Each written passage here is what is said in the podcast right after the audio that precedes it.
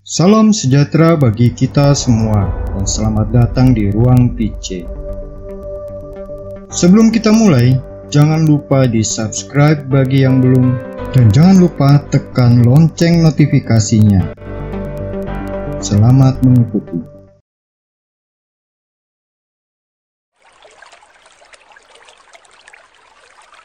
Dogma keempat adalah pengangkatan Maria, Assumption of Mary. Dogma ini dinyatakan oleh Paus Pius ke-12 pada tanggal 1 November tahun 1950 dalam ensiklik Magnificentissimus Deus. Dogma ini berangkat dari tradisi suci, walau tidak secara eksplisit dinyatakan dalam kitab suci. Namun harus kita ketahui, kitab suci juga bagian dari tradisi suci. Gereja perdana dan para bapak gereja di awal kekristenan telah merefleksikan kitab suci dengan penuh hikmat dan mereka juga sangat mendalami peran Bunda Maria dalam gereja. Kalau kita memasukkan kerangka logika dan pemikiran kita mulai dari dogma tanpa noda dan Maria diangkat ke surga ini, kita dapat melihat bahwa semua ajaran gereja itu saling mendukung dan saling menguatkan bahkan menjadi salah satu cara dalam mengenal dan mencintai Allah Tritunggal. Kita perlu membedakan antara Yesus naik ke surga dengan Bunda Maria diangkat ke surga. Tuhan Yesus naik ke surga dikarenakan kuasanya sendiri sebagai putra Allah, sedangkan Bunda Maria yang diangkat ke surga dikarenakan kuasa dari Allah dan bukan dari kekuatannya sendiri. Magisterium dengan tegas menyatakan Maria Bunda Allah perawan abadi yang tidak bercela diangkat tubuh dan jiwanya ke dalam kemuliaan surgawi setelah perjalanan hidupnya di bumi ini. Pengangkatan Bunda Maria menjadi bagian dari spiritual gereja dan warisan doktrinal selama berabad-abad. Dogma ini juga telah menjadi bagian dari refleksi teologis dan liturgi serta menjadi bagian iman dari kaum beriman.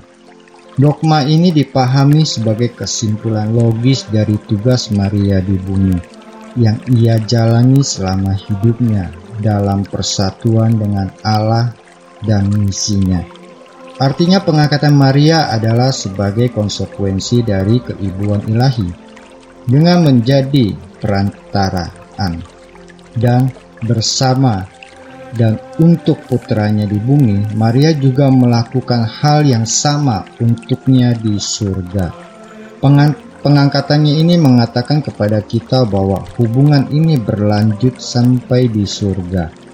Dogma Maria diangkat ke surga bukan semata-mata doktrin untuk menghormati Maria, tetapi doktrin itu mau menunjukkan bahwa Maria adalah anggota gereja yang pertama diangkat ke surga.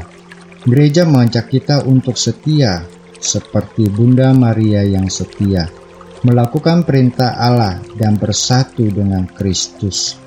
Pada akhir zaman nanti kita juga akan diangkat tubuh dan jiwa kita ke surga Peristiwa Maria diangkat ke surga adalah peringatan akan pengharapan kita akan kebangkitan badan di akhir zaman.